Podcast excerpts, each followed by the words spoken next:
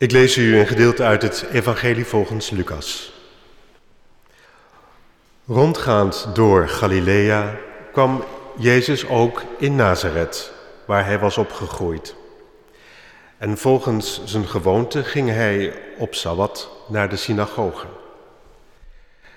Toen hij opstond om voor te lezen, werd hem de boekrol van de profeet Jezaja overhandigd. En hij rolde hem af tot de plaats waar geschreven staat: De geest van de Heer rust op mij, want hij heeft mij gezalfd. Om aan armen het goede nieuws te brengen, heeft hij mij gezonden. Om aan gevangenen hun vrijlating bekend te maken en aan blinden het herstel van hun zicht. Om onderdrukten hun vrijheid te geven. Om een genadejaar van de Heer uit te roepen. Hij rolde de boekrol op, gaf hem terug aan de dienaar en ging weer zitten. De ogen van alle aanwezigen in de synagoge waren op hem gericht. En hij zei tegen hen: Vandaag hebben jullie deze schrifttekst in vervulling horen gaan. Tot zover deze lezing. U heeft het waarschijnlijk net als ik gehoord, de minister die zei, woorden doen ertoe. Maar die minister komt uit Rotterdam, dus ik hoef hem niet te vertellen. Uiteindelijk is het geen woorden, maar daden.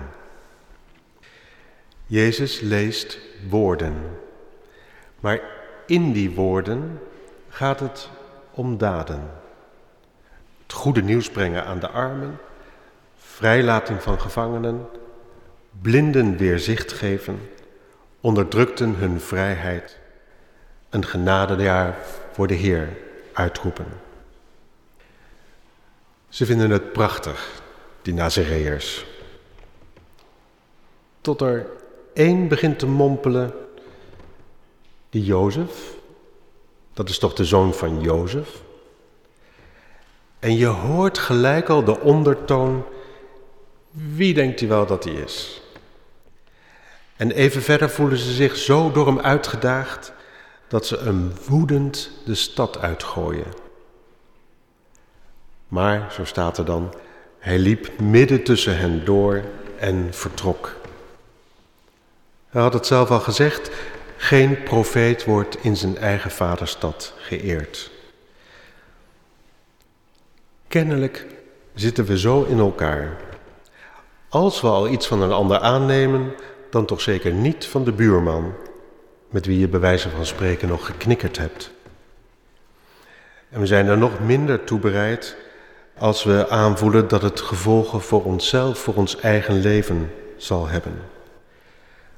We proberen het van ons af te laten glijden, zij het met een mengeling van schuld en schaamte, omdat we ook wel weten dat hij een punt heeft, maar ook irritatie want zeg nou zelf, wie denkt u wel dat hij is? Tot ons geweten toch weer aan de deur van ons hart klopt en zegt: Zie je haar, die dakloze vrouw waar je net langs heen gelopen bent? En trouwens, die mooie sportschoenen waar je op loopt, je weet toch wel dat de kans groot is dat kinderen die in elkaar gezet hebben? En anders hebben die of andere kinderen wel de delfstoffen gedolven waar je mobiel vol mee zit. En heb je die man gehoord die geen werk meer kan krijgen, zijn baan kwijtgeraakt in de coronacrisis en nu overal te oud? En hé, hey, straks bij de Olympische Spelen in China of het WK voetbal in Qatar moet ik je nog vertellen wie daarvoor met hun leven en gezondheid de prijs hebben betaald?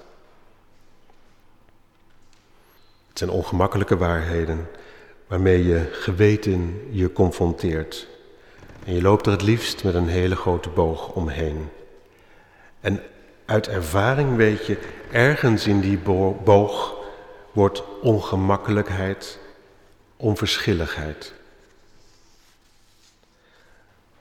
Tot je een keer meemaakt dat ze met diezelfde boog om jou heen lopen. Omdat je verdrietje in de weg zit. Of omdat je opgesloten zit in het glazen huis van je eenzaamheid. Of omdat armoede je belemmert mee te draaien in het wereldcircus. Zo voelt dat dus. Niet gezien worden, niet gehoord worden, genegeerd worden. Soms lijkt het erop dat met de vinger wijzen, kijk hem of kijk naar je eigen, ons beter ligt dan de vinger op de zere plek leggen. Zelfs als het je eigen vinger is van je eigen geweten. En misschien is daarom zo'n kerkdienst als deze, week na week, jaar na jaar, nou misschien niet in deze vorm eeuw na eeuw, maar wel op deze plek, wel iets heel bijzonders. Waar elders kom je wekelijks bij elkaar om je iets te laten gezeggen, om iets nieuws te horen of iets ouds op nieuwe wijze zodat we het kunnen verstaan, kunnen horen als iets nieuws. Het moet haast wel dat er onder die Nazareners ook mannen waren die geraakt werden door de woorden van Jezus. Die oude woorden hoorden, al zo vaak wellicht beluisterd, maar die ze nu ook echt hoorden en konden verstaan. En dat die mannen ontroerd werden geraakt werden door wat ze hoorden. Een ontroering die geboren wordt in herkenning. Wat lijken we toch op elkaar? En verwondering. We hoeven niet zonder elkaar. En verbinding. We kunnen niet zonder elkaar. Herkenning, verwondering, verbinding. Kunnen we die een plaats geven in ons hart, in ons leven? Bijvoorbeeld als we ons druk maken over asielzoekers in onze buurt. Gelukzoekers, dat zijn ze. Ja, natuurlijk zijn ze dat. Net als u en ik. Bijvoorbeeld als we ons realiseren dat mensen ver weg niet geboren zijn als menselijke machines voor onze producten. Bijvoorbeeld als we niet simpelweg wegkijken als iemand een plastic bekertje achterloos op straat gooit. Bijvoorbeeld als we de tv aanzetten voor de Olympische Spelen of het WK voetbal.